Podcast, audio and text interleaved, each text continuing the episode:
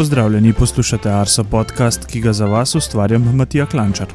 Danes se bomo v srednji temi dotaknili strojnega učenja, ki se vedno več dotika tudi področja meteorologije. Z mano bo Uroš Perkan. Na naš podcast se še vedno lahko naročite, poiščete nas lahko v vaši najljubši podcast aplikaciji ali na Spotifyju, najdete pa nas tudi direktno na naši spletni strani. Če vam je podcast všeč, povejte še drugim. V stik z nami lahko stopite preko elektronskega naslova podcast.arsoafnago.si. Seveda smo prisotni tudi na družbenih omrežjih, kjer z veseljem delimo vaše slike, storije ali se z vami pogovarjamo o vremenu. Na Twitterju smo Mete vsi, na Facebooku in Instagramu pa nas najdete pod imenom Arso Vreme. Osrednja tema. Uro zdrav. Uh, lepo zdrav. Uh, kot sem že v vodu povedal, se bova danes pogovarjala o strojnem učenju v meteorologiji. Uh, novice z področja strojnega učenja si predvsem v zadnjem letu uh, sledijo kot po tekočem traku.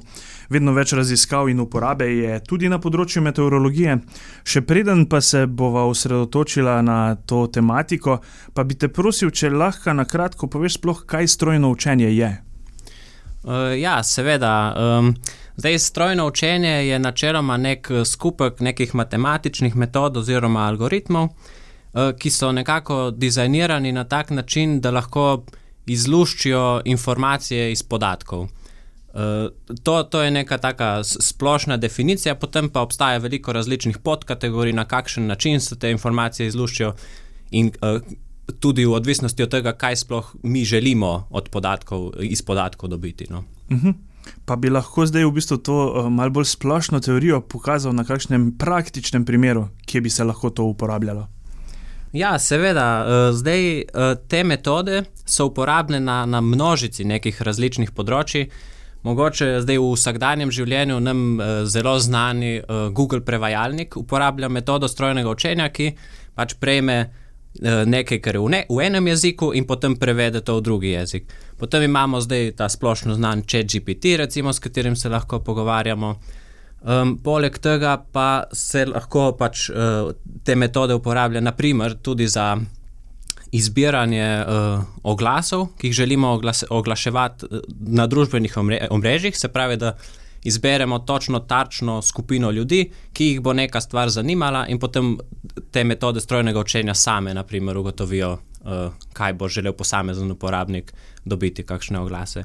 Seveda so pa uporabne tudi v znanosti, uh, naprimer, imamo jih. Um, Recimo v farmaciji se jih uporablja za napovedovanje oziroma ugotavljanje mogoče uh, kakšnih novih zdravil, pač za razvoj novih zdravil, ali pa za ne vem, na kakšen način se bodo proteini izvijali, ful enih različnih uporab. Poleg mm -hmm. tega pa seveda tudi v meteorologiji. No. Ja, kar je pa dejansko moje naslednje vprašanje. Zdaj pa, če si že lepo o, povedal, kje na kakšnih drugih področjih se ali pa že uporabljamo praktično v vsakdanji rabi, me pa zdaj zanima res še za meteorološko temo. Smo le, uh, Arso podcast. ja, seveda. Ja, zdaj um, v meteorologiji se pač napovedovanje vremena klasično izvaja na tak način, da imamo neke eh, te fizikalne enačbe, ki opisujejo, eh, kako se bo gibala atmosfera in kako se bodo temperature spremenjale. Um, v zadnjih uh, pač letih se je pa izredno hitro uh, razvijalo strojno učenje in se je počasi upeljalo tudi na področje meteorologije. In zdaj uh, tukaj se ga uporablja na več načinov. Uh, eden izmed načinov je recimo ta, da v teh fizikalnih modelih se določene procese, ki so nekako ful težko uh, napovedljivi oziroma izračunljivi, se potem uporabi metodo strojnega učenja, da se sama nauči, kako se tisti proces razvija.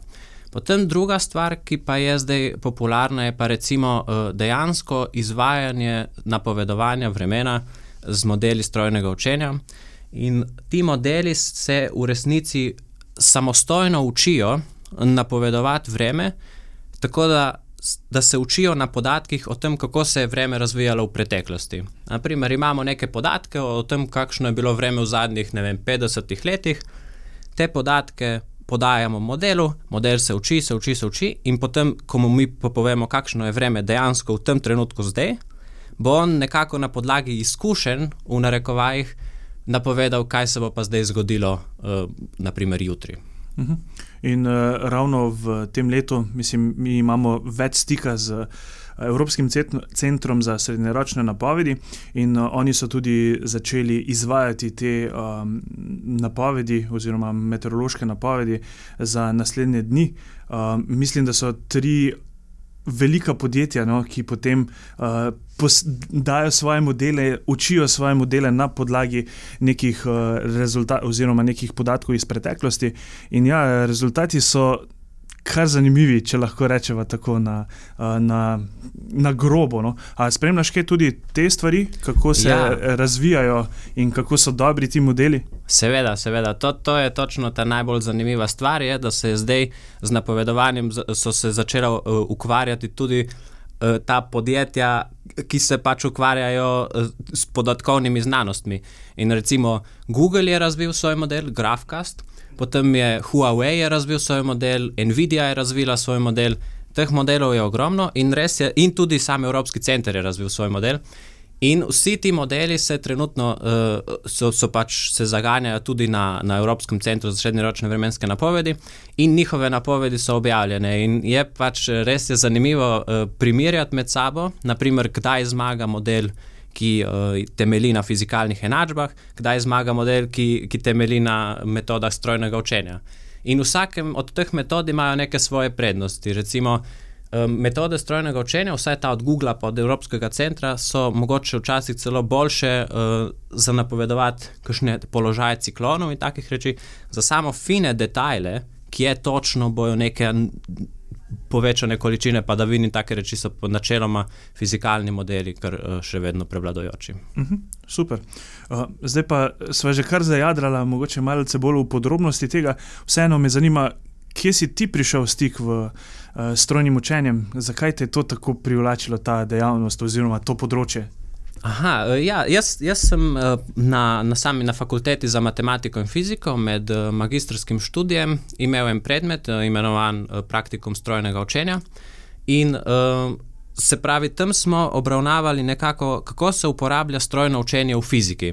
In potem imamo za različne, neki se uporabljajo pri kristalih, neki ga uporabljajo v astronomiji, neki ga uporabljamo v meteorologiji. Vse, pač na mnogih različnih področjih se uporablja. Jaz sem, jaz sem tam prišel prvič v stik in je bilo eh, res zanimivo, in um, tudi fulje novo to področje.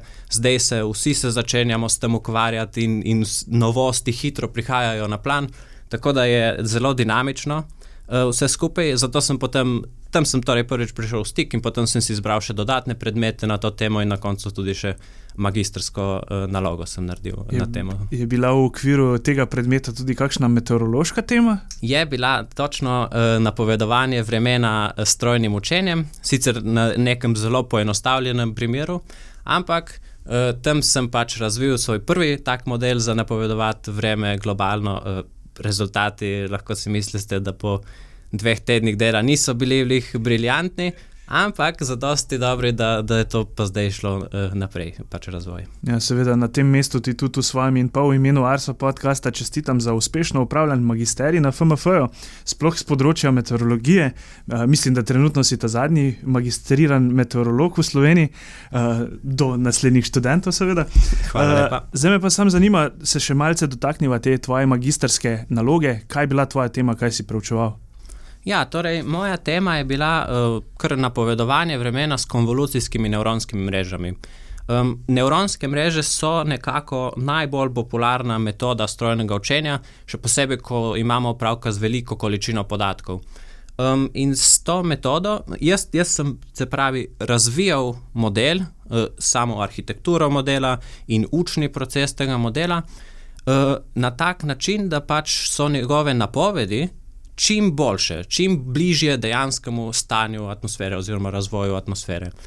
Tako da to, to, to, je bil, to je bila moja naloga. En del je bil uh, mogoče ugotavljanje, kako različne arhitekture vplivajo na to napoved, kaj so pre, njihove prednosti in slabosti, drugi del pa je bil sama analiza potem kakovosti tega modela, mogoče kje je dober, kje zgreši, uh, kje bi bil uporaben in tako naprej. In kakšni so tvoji, recimo, tisti bistveni zaključki? To se kar vprašanje se na dlani pona, uh, pojavlja. Ja, uh, se pravi, bistveni zaključki so, da Torej, moj model je bil sposoben kar kakovostne vremenske napovedi.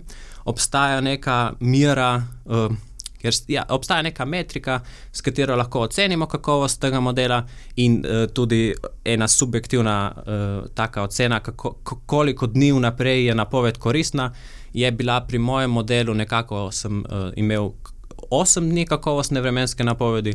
Naprimer, za primerjavo bi bili uh, ta Evropski center za srednjeročne vremenske napovedi, ima okrog 9,5 dni uporabne vremenske napovedi, tako da rezultati so precej solidni, sploh pa glede na to, koliko računske moči sem pa jaz imel na voljo, uh mhm. -huh. napram Google in Evropskemu centru. Razumljivo je. Ja. Napovedoval si, katere spremljivke?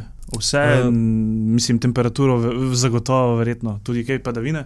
Seveda, ja, tudi temperatura, padavine, potem uh, veter, um, nekaj, če rečemo, geopotencial. Uh, vse te spremenljivke sem napovedal, ker so pač potrebne in se tudi povezujejo med sabo.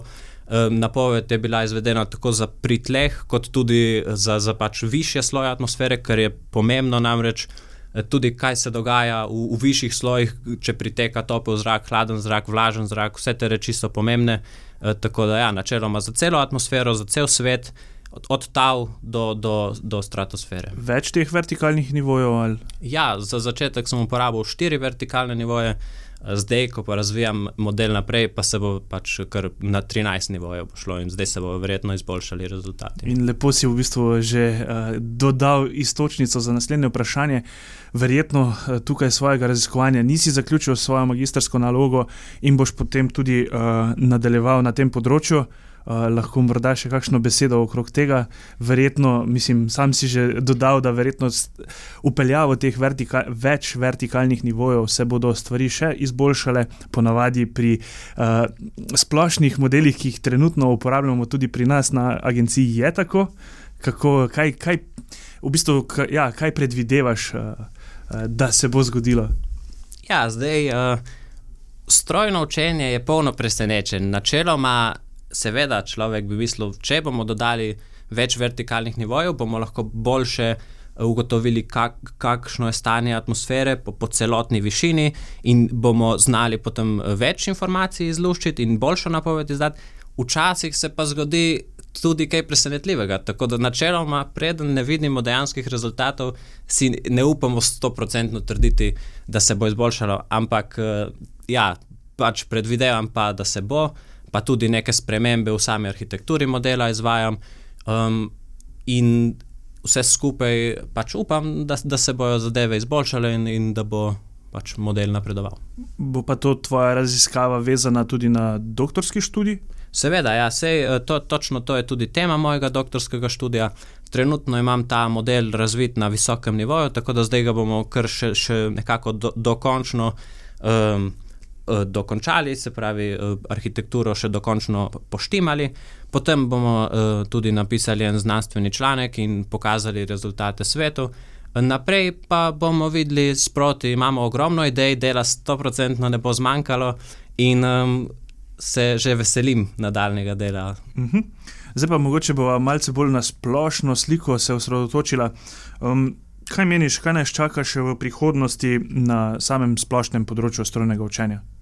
Ja, to je zelo zanimivo vprašanje. Uh, zdaj, glede na to, koliko novih raziskovalcev je na tem področju, kako hitro se razvijajo algoritmi, kako hitro celotna industrija gre v to smer, jaz predvidevam, da se bo v prihodnih letih strojno učenje razširilo na vsa področja, kjer si lahko to zamislimo. Um, trenutni algoritmi se bodo seveda izboljšali. Uh, medtem ko tudi nove uporabe se bodo sigurno pojavile. Um, verjetno je pa smiselno tudi opozoriti, da mogoče ni pač mal, nekaj previdnosti, pa tudi je potrebnega pri tem, kje se uporablja strojno učenje, ker obstaja tudi pač določena varnostna tveganja. In um, ni smiselno čisto brez glave vse uh, sprejeti, vse novosti. Um, ja.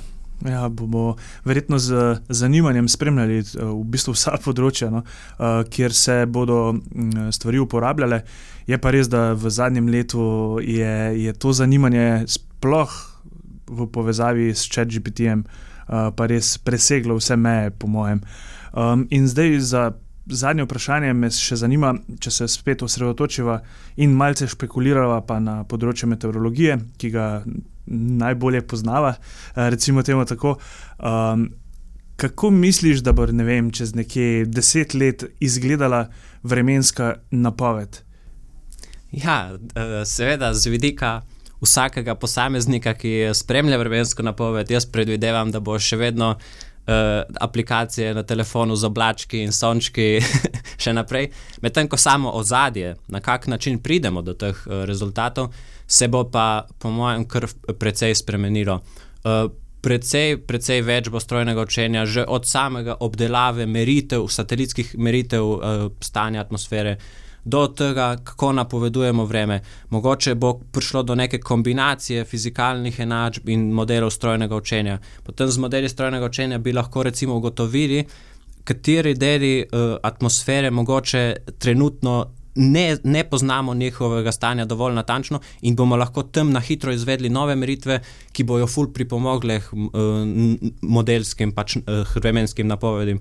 Tako da tudi samo postprocesiranje rezultatov, se pravi, model izda neko napoved, potem pa z modeli strojnega učenja v resnici popravimo, glede na uh, to, kakšno je, ne vem, kje so gore, kje je morje, kje so doline. Uh, in na tak način bo kombinacija in fizikalnega znanja in modelov strojnega učenja uh, zelo verjetno kar precej pripomogla k kakovosti vremenskih napovedi. Ja, ravno to, kar si zdaj omenjal in špekuliral, praktično mene. Uh, zanima recimo ta računska moč, ki jo uporabljamo za recimo, trenutne vremenske fizikalne modele, za izračunavanje uh, napovedi za nekaj dni vnaprej. Ali pa recimo, če imamo nek model strojnega učenja, to dejansko si ne moremo predstavljati, še verjetno najbolj, um, kakšna je ta razlika in kaj vse bo pripomoglo to v naslednjih letih. Tako da, ja, tudi na tem mestu bomo verjetno uh, z zanimanjem spremljali tale razvoj na meteorološki uh, strani. In uh, jaz verjamem, no, da bi se kdaj v prihodnih sezonah tudi Arso podcasta znala še kdaj dobiti in podebatirati uh, kaj, no, o novostih strojnega učenja in pa kaj bo prineslo vse v ta meteorološki del. Ja, z veseljem. ja, pa seveda pa hvala lepa, da si se odzval temu vabilu uh, v zadnjo epizodo letošnjega koledarskega leta. Hvala lepa za povabilo. Hvala pa tudi vam, drage poslušalke in poslušalci. To je bila 112. epizoda Arso podcasta, zadnja v letošnjem koledarskem letu. Na tem mestu vam tudi v imenu Arso podcasta želimo mirne praznike in čim boljši vstop v leto 2024.